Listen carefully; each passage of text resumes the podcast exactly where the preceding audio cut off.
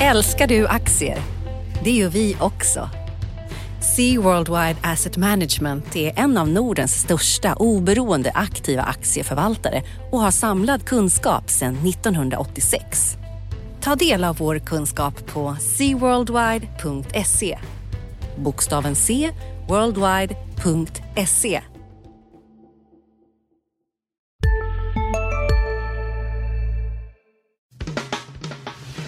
Analyspodden från Dagens Industri. Hej och varmt välkomna till Dagens Industris analyspodd med mig Felicia Åkerman och med börsexperten Agneta Jönsson på andra sidan bordet. Välkommen! Tackar! Idag så ska vi ju såklart prata om Italien som har spökat hela veckan. Eh, vi ska prata om BNP-siffran som kom tidigare i veckan. Vi ska prata om inköpschefsindex. Det finns allt möjligt. Men jag tänkte vi ska börja med att prata om handelskrig som är ett ständigt aktuellt ämne numera. Precis, och idag infördes ju faktiskt de här ståltullarna som man har pratat om väldigt länge. Och det vi ser där idag är att SSAB-aktien faktiskt går upp när det här är klart. Så det är lite exempel på det här talesättet eh, buy on rumor, sell on facts. Och vi kan också se tillbaka på en väldigt tråkig börsvecka. Igår hade börsen gått ner åtta dagar i rad så att detta är första dagen nu på länge som vi ser en liten uppgång. Vi får se om det orkar hålla i sig. Mm. Och bara för den som inte riktigt har orkat hänga med i alla turer kring alla tullar som kommer från USA så är det ju då alltså stål och aluminiumtullarna som eh, EU bland annat då hade lyckats eh, få undantag för ett par omgångar som numera gäller från och med idag. Det gäller för övrigt också Kanada och Mexiko. Där det ser ut som att, eh, om jag tolkar Trump i alla fall, så tycker jag att det ser ut som att han vill använda det här i NAFTA-förhandlingarna. Som ju också pågår i bakgrunden, som vi inte pratar så mycket om här i Europa. För det är ju inte något som påverkar oss jättemycket kanske. Eh, orosmolnet som jag ser det just nu är väl så här, hur kommer EU svara på det här? Kommer man välja att följa den tidigare modellen där man kanske inför egna stål och aluminiumtullar mest för att skydda sig själv mot vad som blir ett överutbud på marknaden utanför USA? Eller kommer man, som man tidigare hotat med, svara med en, en lista med helt andra produkter? Det har ju pratats om whisky och smink och allt möjligt. Jordnötssmör Exakt, typ exakt. Härligt eh, amerikanska ikoniska produkter. Eh, det skulle jag väl kanske vara lite mer negativ till. För då Precis. börjar vi närma oss det här med ett riktigt handelskrig. Ja, och det är jobbigt om vi får det också under sommaren här, att det här kommer att fortsätta. Precis, precis. Och sen så har vi ju i bakgrunden, vet vi inte hur det går med de här eventuella biltullarna heller. Jag såg en, en uh, tysk tidning eh, som rapporterade att Trump ska ha sagt till Frankrikes president Emmanuel Macron att han inte vill se några Mercedes-bilar rulla ner för Fifth Avenue i New York. Så ja, det kan man tolka som man vill. Men det lär ju komma mer på bilsidan också. Kan man det lär, säga. Precis. Men den andra stora grejen här är ju Italien har hängt över oss hela veckan. Nu så ser det ut som att vi får eh, en ny premiärminister där idag som svärs in och det blir då den här Giuseppe Conti som femstjärnerörelsen och Lega vill ha. Eh, president Sergio Mattarella har vikt ner sig. Jag tror ju personligen att han gjorde lite av ett misstag när han föreslog den här IMF-veteranen eh, Carlo Cottarelli till någon sorts teknokratisk premiärminister. Eh, ambitionen var väl att göra eurodiskussionen till den stora frågan, för det skadar populisterna. Men istället så drog han fram IMF-spöket och det är ju nästan det bästa sättet att få eh, sydeuropeiska väljare att gå långt ut åt både vänster och höger. Eh, så vi får väl se vart det där slutar. Det är en ganska tråkig och volatil historia minst sagt. Precis, men innebär det nu som kommer idag att det inte blir något nyval i Italien nu i sommar? Det ser väl i alla fall ut att skjuta på det. Sen eh, tror jag att man ska aldrig satsa pengar mot att det blir ett val relativt snart i Italien. För det händer ändå ganska ofta. Men, men det ser i alla fall inte ut att vara riktigt lika aktuellt. Men ja, det återstår ju att se om det här... Man får ju lite backflash till tidigare kriser i Europa. Jag tänker framförallt väldigt mycket på den där sommaren 2015 när vi hade en ny regering i Grekland som satte igång ett riktigt, riktigt kaos. Nu vet vi inte om vi är där riktigt än. Jag tycker att det är värt att lyfta att Italien är ju egentligen en ganska stark förhandlingsposition. Om man tittar på vem som faktiskt äger de italienska skulderna så är det utländska ägare som sitter på ungefär 36 procent. Det är ganska mycket lägre än vad det var i Grekland när det begav sig. Men i absoluta tal så är det ungefär tre gånger så stort. Så man har kort att spela med här. Det, det kan bli aggressiva förhandlingar. Det, det är ju sådant som kommer påverka negativt och särskilt nu när vi har det här i grunden att det är så många som är negativa till EU också. Mm, ja. Och till eurosamarbetet framför allt då. Ja, det ligger och gryr där som en liten glöd i bakgrunden hela tiden. Men, men vad, har, vad har vi sett för börsreaktioner på Vi fick ju kaos? se det här när, när sannolikheten var stor då, att det skulle bli ett nyval så fick vi ju se här att de, eh, de italienska räntorna har stigit 120 punkter den senaste månaden och det är ganska mycket. Det innebär att de är uppe och snuddar runt 3 procent och då har ju ränteskillnaden mot Tyskland ökat. Och då har ju samtidigt den italienska börsen fallit kraftigt. Den hade gått ner i förrgår totalt 12 procent här under en månad. Sen fick vi då se en liten återhämtning under gårdagen och det kommer vi troligtvis se idag på det här också. Men det påverkar ju mycket. Framförallt så påverkar det ju bankerna då som är, har mycket skulder så att säga. Och skulle det bli något debacle där med att man vill lämna euron så här vet man ju dels inte hur det skulle lösas och sen slår det ju väldigt hårt för på bankerna och de italienska bankerna har ju inte riktigt sina balansräkningar i form eh, efter finanskrisen utan där finns ju en hel del städarbete kvar att göra. Ja, visst. Eh, för svensk del så har vi ju sett eh, lite interimreaktion på det här. Precis, det, aktien föll ju 4 procent eh, då i onsdag så det beror ju på att Intrum har gjort ett stort förvärv. Nu är det ett samarbete egentligen med Banco Intensa Sao Paulo Italien som är Italiens största bank där man ska bilda ett gemensamt bolag för att driva in då sena kreditbetalningar helt enkelt. Så att det är ett stort projekt. Eh, bolaget har själva sagt eh, att de är inte speciellt oroliga nu och det är ju, är ju sunt förnuft egentligen för att i, i de här lägena när man håller på med den typen av verksamhet så är det ju egentligen när folk blir av med jobben som det blir extra kämpigt så att säga. För att det är ju sena betalningar, man lägger upp betalningsplaner, människor ska betala av på längre tid och hela det där bemaknet. Men har man inget jobb då kan man inte betala. Det är då det blir extra tungt för dem. Så att som det är nu påverkar de inte speciellt mycket. Eh, apropå eh, banker så eh, bytte ju Collector vd nu i veckan och där undrar jag lite vad som hände. Ja precis, det, det är ju lite överraskande eftersom hon, Lisa Nyberg tillträdde ju så sent som första september så hon har ju bara varit i nio månader.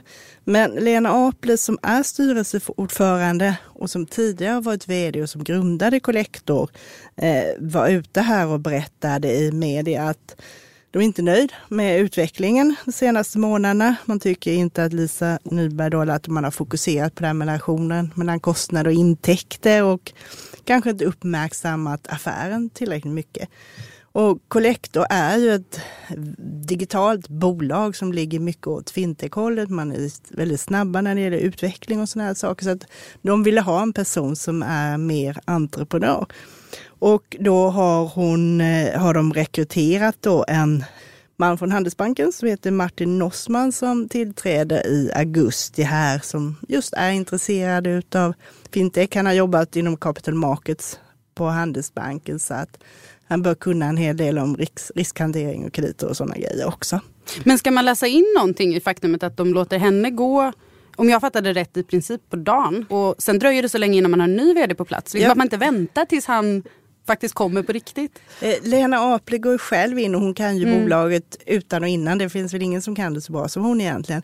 Men det de gör där, jag tror, eh, om jag får gissa själv, så tror jag att det här har varit på gång ett tag. Eh, så att man väntade att tillkännage det till man hade en efterträdare klar. Så att jag tror att det här uppdagades nog ganska snabbt. Man kanske till och med vid årsskiftet märkte att det här fungerar inte riktigt.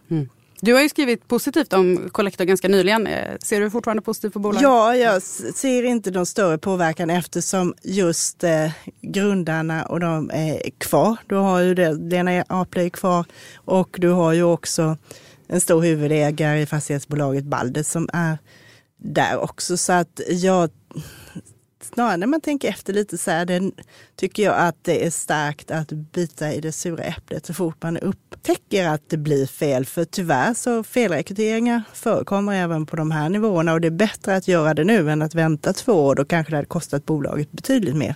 Ja, visst. Eh, jag tänkte om vi backar bandet lite och vidgar perspektivet i hela börsen här igen. Så, så här, vi har ju, det har ju varit en stökig vecka det kan man ju inte, inte påstå något annat. Jag vill också bara passa på att slänga in att det ser ut som att även Spanien får en ny regering idag. De håller en, en, en omröstning i parlamentet om eh, premiärminister Rajoys framtid och så vitt vi kan se så kommer han förlora den. Han är ju känd som en politisk överlevare med nio liv men de verkar ha tagit slut nu. Man ska väl skjuta in att Spanien är inte Italien.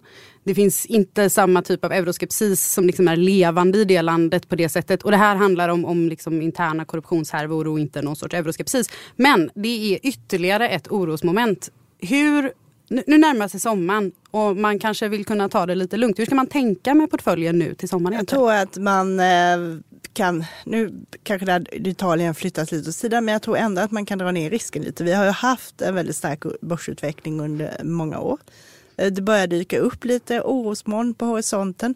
Så jag tycker att det skadar inte att dra ner på risken i alla fall. Eh, och eh, det är skönt att ha lite pengar vid sidan om, för vi ser de här dagarna när det går ner väldigt kraftigt och det är kul att kunna köpa lite också. Så att jag skulle väl banta ner. Har jag 100% investerat av de pengarna jag har, skulle ha i aktier så skulle jag faktiskt vikta ner det en aning nu och ta hem lite vinster och ställa sig vid sidan av lite. Mm. Ja, vi har ju haft en, en eh, fullsmockad makrovecka får man väl säga. Det, eh, börsen som sådan har fått ta lite klivet tillbaka för de, de stora frågorna. Eh, vi väntar ju fortfarande på, på eh, den siffra som, som de flesta kanske fokuserar på nu och det är den amerikanska sysselsättningssiffran som kommer i eftermiddag. Vi hade ju en liten diskussion här, jag tror det var i början av veckan kanske, om huruvida det är så, så bra att man fokuserar så himla mycket på den här siffran. Jag tillhör ju de som kanske tycker att det är inte fel att titta på den men det känns ibland lite som att marknadsaktörer gör det på fel sätt. Eh, att det skulle vara smartare att typ försöka jag vet inte, spela lite på reaktionen. För att det blir ofta en överreaktion på den här siffran. Är den inte så himla mycket under så kan det reagera ganska kraftigt ibland. Om det redan är lite stökigt framförallt. Precis. Eh, och det är det ju nu. Så får vi en, en, en, något lägre siffra idag så kan det bli en, en, en relativt kraftig reaktion på vad som egentligen är liksom så ganska marginella förändringar i den här gigantiska ekonomin. Liksom. Jo, du har ju det, menar, det är över 100 miljoner amerikaner och huruvida det är 160 000 eller 190 000 som har fått jobb under en månad känns lite som det kan ligga inom felmarginalen. Så ja, precis. Verkligen. Eh, men vi får se. Den har vi ju inte, den har vi inte än. Vad vi däremot har fått nu under förmiddagen är lite PMI-siffror från alla möjliga håll. Eh, den svenska inköpschefsindex eh, fortsätter ju upp till 55,8 och ligger därför på en fortsatt expansiv nivå. Och det var mycket orderingång bakom det. Men jag eh, skulle väl argumentera för att man kanske ska, eh, man ska vara uppmärksam på att det kommer lite motstridiga signaler just nu. Om vi backar bandet och tittar på eh, BNP-siffran för första kvartalet som kom tidigare i veckan så var den i stort sett i linje med förväntningarna. Men jag var i alla fall överraskad över att eh, bruttoinvesteringarna bidrog så pass mycket som de gjorde. För att alla väntar sig ju att investeringarna ska ner nu när det varit så oroligt på bostadsmarknaden. Och vi har ju sett att nystartade byggprojekt har gått ner i början av året. Det känns som en ganska rimlig reaktion eh, att det skulle göra det och, och, därför kan man ju tänka sig att det bidraget bör ju rimligtvis minska under året. Sen har vi hushållen som har den andra stora viktiga grejen i, i BNP-siffran. De har inte heller låtit superpositiva. Om man tittar på KI-barometern som kom i mitten av veckan så var hushållens syn på den egna ekonomin under den historiska nivån efter att ha sjunkit ett antal månader i följd. De var negativa till att göra eh, större inköp av sällanköpsvaror. Allt det där känns ju som att, att Särskilt så här, räknar man in den svaga kronan också, räknar man in att energipriserna är högre så känns det plötsligt som att hushållen kommer liksom inte vara en så stark drivkraft kanske framöver. Så här, man ska inte överdriva men det finns ett litet orosmoln i det här. Och det är att vi ser vissa inflationsimpulser komma. Vi har sett att andelen företag inom detaljsektorn som planerar prishöjningar de kommande månaderna ökar och ligger ganska högt, ligger på nivåer som inte har setts på ett par år. Så vi ser inflationen gå upp och, och, då kan man ju tänka sig ett scenario där det här starka resursutnyttjandet det, det ger inflation, det ger stigande räntor men samtidigt så, så saktare Har du också valt att bli egen? Då är det viktigt att skaffa en bra företagsförsäkring. Hos oss är alla småföretag stora och inga frågor för små. Swedeas företagsförsäkring är anpassad för mindre företag och täcker även sånt som din hemförsäkring inte täcker. Gå in på swedea.se företag och jämför själv. Sista dagarna nu på vårens stora season sale. Passa på att göra sommarfint hemma, både inne och ute och fynda till fantastiska priser. Måndagen den 6 maj avslutar vi med Kvällsöppet i 21. Välkommen till Mio. ekonomin in lite och det är inte oroväckande att den saktar in egentligen för den har gått väldigt starkt. Det är ganska naturligt att man får en liten inbromsning ungefär nu. Vi befinner oss väl någonstans i slutet av konjunkturcykeln. Men den kombinationen är ju kanske inte fantastiskt stigande räntor och, och bromsande ekonomi. Särskilt inte om hushållen känner sig lite osäkra. I bakgrunden så har man ju den här ständiga varningen om den höga belåningsgraden som man inte ska överdriva, men man ska heller inte glömma bort den tycker jag. Så jag vet inte, hur känner du kring de här signalerna som kommer nu? Var, var är vi i slutet på konjunkturcykeln? Jag tycker det börjar kännas så. Det verkar ju lite så. Det är ju som du säger, det är ju en hel del motstridiga signaler. Man ser hur marknaden reagerar på det här. Vi hade ju nu i veckan också som DI skrev här om SKF som drar ner på produktionstakten i sin industridivision därför att man Dels på grund av att man ser konjunktursignaler själva men man också ser hur kunderna agerat och minskar sina lager. Och för SKS del som har haft stora lager en stund nu så vill man dra ner på det här för att i sin tur inte riskera att göra en lageruppbyggnad om det vänder. Mm. Så att det är naturligt att man håller på att grasa och bromsa men det är ju ingen bra signal att man ser det här nu. Så det oroade ju marknaden och aktien följer kraftigt på det. Det följer 4 procent när det kom. Mm. Och SKF har inte gått riktigt bra i år heller så att det finns en osäkerhet i det där. Och sen har du det som du tog upp här med nyproduktionen, bostad, framförallt bostadsrätter där det är jättejobbigt. Nu kommer ju den här eh, bostadsutvecklaren Tobin med en neddragning av prognos igen här i veckan. Man har eh, sänkt för andra gången i år och halverat i princip sin eh, prognos för året. Och det visar ju att det är fortfarande tufft där och det kommer väl förmodligen att fortsätta att vara tufft ett bra tag för den här typen av bolag. Och får vi också se det här med stigande räntor plus att det är svårare att låna pengar. Tidigare har man kunnat använda sina bostäder lite som bankomat, låna upp för att kunna köpa ny bil till exempel. Men där börjar ju också stramas åt så att eh, tanken är väl att du kan inte låna på bostaden mer men att du kanske fortfarande tar en del blankolån men de är inte billiga och stiger mm. räntorna där de blir, blir ännu dyrare så att du får ju en effekt. Du kommer ju inte kunna konsumera på lånade pengar som man har gjort nu under en bra tag. Mm. Ja visst.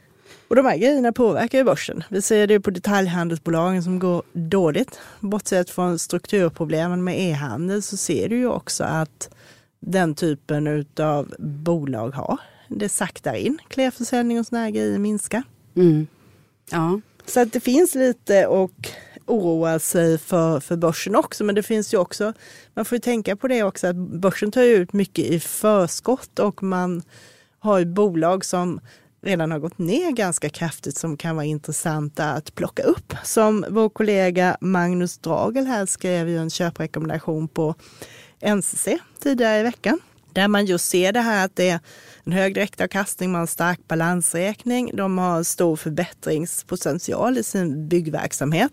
Samtidigt då som de har fått in en ny hungrig vd i Thomas Karlsson som tidigare jobbat på NCC i 23 år men nu varit i vägen sväng som vd för Sweco.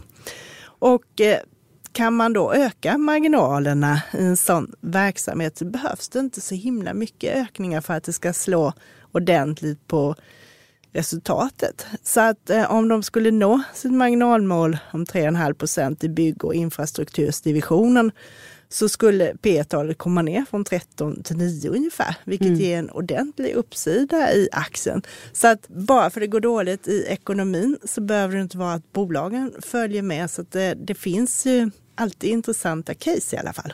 Mm. Och sen ska man väl också komma ihåg att även om svensk ekonomi bromsar in så är den ju fortfarande på en, en fin nivå med en tillväxt på över 3% i första kvartalet i, i årstakt. Precis. Eh, så det, det är ju positivt. Men jag undrar lite när det gäller just eh, bostadsbyggarna eller egentligen hela byggsektorn och sådär men med, med, fokus på bostäder. Min känsla är att vi inte riktigt har fått facit på hur hushållen och de faktiska liksom, konsumenterna av bostäder reagerar på den svagare bostadsmarknaden och det här utökade amorteringskravet riktigt än. Alltså vad det nya normala är. Jag tycker inte det känns som att vi har hittat det än. Har du Nej, någon känsla man där? har ju sett lite i de här statistiken från mäklare att det tar längre tid att få det sålda. Eh, Du har inte samma budgivningar som har varit tidigare. Det har varit en del eh, statistik som visar också att det är många objekt som dras bort som är osålda. Så att de ligger ute 14 dagar så blir det inte sålt och så försvinner de. Och det gör ju också att man tror att det kommer att komma ut en hel del igen här efter sommaren. Och sen beror det ju på om de som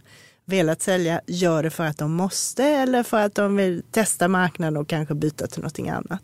Mm, ja visst. Och sen har vi ju en, en svag krona som kanske egentligen är det som sänker liksom hushållssentimentet. Jag kanske fokuserar för mycket på bostäder. Det, det Men visst är det viktigt. Jag menar, alla måste Ja. bo och det är jättemycket pengar så det är klart att det kommer att påverka allas vår ekonomi mycket. Så Ja, visst, visst, det är klart.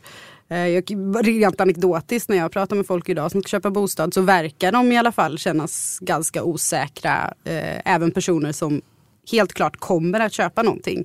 Precis. Uttrycker en viss oro Ja. liksom. Eh, och det kan man väl, ja, man ska alltid ta anekdotiska grejer med en nypa salt. Men det är värt att ha i bakhuvudet ändå. Jag tror inte vi har riktigt hittat det här nya läget än. Nej, och sen är det ju det här om man ska prata lite mer om det här med nyproducerade bostadsrätter så är det ju ofta en hög skuldsättning i föreningen också. Så att det är inte bara det att du tar lån på den lägenheten som du investerar i utan föreningen har ju också stora skulder vilket gör att eh, får vi räntehöjningar så blir det en ganska kraftig effekt både på den egna räntebetalningarna, sen har du amorteringen på det och sen så stiger avgiften i föreningen vilket gör att alla de här sakerna påverkar i en normal marknad priset vilket gör att du låser in människor ännu mer som inte kan sälja med förlust. Mm.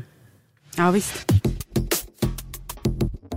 Eh, jag tänkte bara vi skulle hoppa tillbaka jättesnabbt till eh, det vi pratade om förut när vi var inne på SKF lite grann. Och det är det här med vad som händer med Eh, exporten eh, och framförallt kanske den europeiska efterfrågan. Sådär. För nu, eh, precis när vi står i studion nu så kommer de senaste PMI-siffrorna för euroområdet. Så de missar vi tyvärr.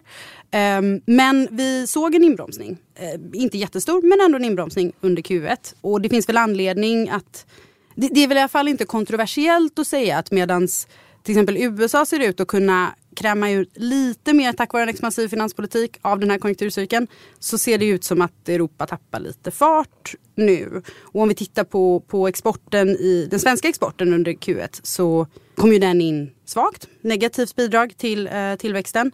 Och då har vi ju ändå en svag valuta här som ska trycka ska på. Hur, hur, ska, hur ska vi jämka de här två faktorerna? Precis. Å ena sidan kanske svagare efterfrågan i Europa, vår absolut viktigaste liksom, handelsregion. Och å andra sidan en, en svag krona. Jag tänker att växelkurseffekterna är ju ändå övergående. Det är det ju, du kan ju inte räkna med dem. Nu kommer man väl ha hjälp med det här under andra kvartalet men det, det är ju inte riktigt det är ju inget vi kan ta med i kalkylerna att kronan kommer fortsätta vara svag. Så att du behöver, I den bästa världar så har du ökade volymer och eh, draghjälp av valutan. Mm. Men börjar vi nu se minskade valu- volymer, en osäkerhet då vad som händer med Europa som vi väl har en väldigt stor försäljning till så lägger ju det också en lite våt filt över förväntningarna framförallt på verkstadssektorn och andra exportbolag.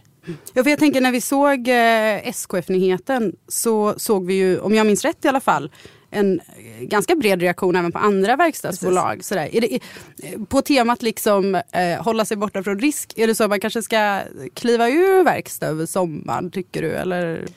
Jag, jag tror det är väl lite selektivt. Några bolag händer det ju grejer med. Som Mm. du har Atlas Copco som delar ut Epiroc nu här 18 juni där det finns ett intresse. De har i sig gått bra men du har det här att eh, summan av delarna är större än helheten. Du kommer ha samma grej med Autoliv här som delar ut sitt det här med teknologiska säkerhetsgrejen, det här Vioneer i slutet av juni. Så det händer ju en del på bolags eh, men jag skulle ju inte rekommendera att nu kanske gå in tungt i verkstad om man inte har gjort det innan Mm. så att säga. Mm. Ja, det blir intressant att se. Jag kanske får köpa lite verkstadsaktier bara för att ha som en, en eh, lott över sommaren och ha lite spänning. Eh, nästa vecka eh, så är det tunt på agendan jämfört med den här veckan i alla fall. Eh, men vi får en eh, partisympatiundersökning från SCB på tisdag. Tycker det kan vara värt att hålla koll på den i och med att det är inte bara utländska val vi har osäkerhet över. Det är även vårt eget svenska val snart. Eh, hur ska man egentligen tänka? Alltså, ska, man, ska man strunta i valfaktorn som, som vanlig investerare på börsen?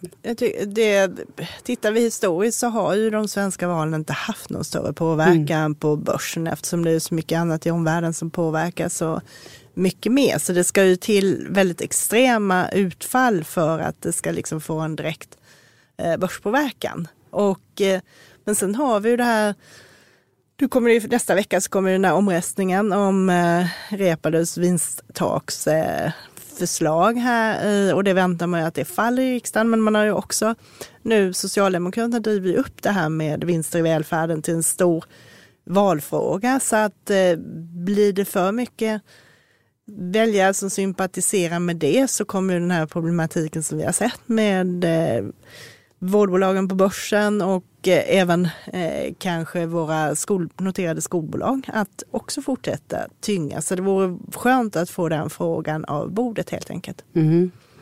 Vad mer händer nästa vecka? Vi har nationaldagen med stängd börs på onsdagen, eller hur? Precis, och eh, sen eh, blir det nu. Nu flyttas ju fokus från bolag till makro i och med att rapportperioden är slut. Så vi har inte så mycket schemalagda aktiviteter men en del bolag håller kapitalmarknadsdag.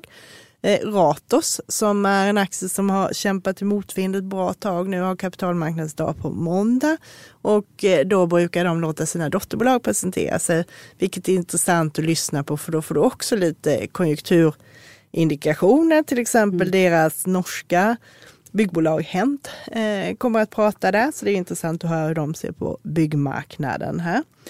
Och sen på tisdagen så har Trelleborg kapitalmarknadsdag. Och eh, man kan också notera att Zalando har kapitalmarknadsdag i Berlin. Så det kan vara intressant att lyssna på vad de har att säga. Och sen har vi en av de här efterslätarna på rapportsidan. Det är Clas Olsson som kommer med sitt bokslut på fredag. Mm. De kör ju, detaljhandeln kör ju ofta det här med brutna räkenskapsår. Så att det är deras fjärde kvartal nu och det är också en sån aktie. De har gått ner 32 procent i år. Det är minskad butiksförsäljning, precis samma fenomen som vi ser i Hennes Mauritz och alla de andra. Och sen är det också det här hotet från Amazon som många tror att Clas Ohlson kommer att bli pressad från. Så det är intressant att höra på vad de har att säga. Det är väl vad som är schemalagt på börsen. Mm. Sen kommer det kunna hända spännande saker av mer nyhetskaraktär. Men ja, kan... jag tror att vi kan räkna med lite fler, eh, kanske fler handelsutspel. Vi kanske också borde nämna att eh, nu så ska ju USA gå vidare med eh, Eh, importtullar motsvarande 50 miljarder dollar mot Kina. Vi vet inte exakt när det händer. De har bara sagt att det kommer att hända. Det skulle mycket väl kunna komma nästa vecka. Inte så kul för amerikanska bolag vill jag passa på att säga. För att om man tittar på den här faktiska listan som har publicerats över vilka produkter det är. Så är det ungefär 85 procent som är olika typer av insatsvaror eller kapitalvaror. Alltså sånt som amerikanska bolag använder i sin egen produktion. Så det Ja, det där med handel, det är komplicerat. Det kanske inte är så lätt att bara skriva en lista på saker man ska förbjuda. Men ehm, eh, vi ska väl kanske ta och runda av där helt enkelt. Eh, och gå mot helgen och titta på alla de här siffrorna som kommer i eftermiddag. Eh, jag kan ju passa på att rekommendera eh, våra systerpoddar. Det är Digital, har Digitalpodden. Sen har vi Förnuft och känsla av eh, Caroline Åkerlund som sitter på DI Weekend. Och den handlar om ledarskap, brukar innehålla ganska intressanta intervjuer. Och sen eh, har Makrorådet precis publicerat sitt sista avsnitt för säsongen som jag lyssnade på när jag åt frukost i morse och varmt kan rekommendera. Så då tackar vi där. Tack för idag. Analyspodden från Dagens Industri. Podden redigerades av Umami Produktion. Ansvarig utgivare Lotta Edling.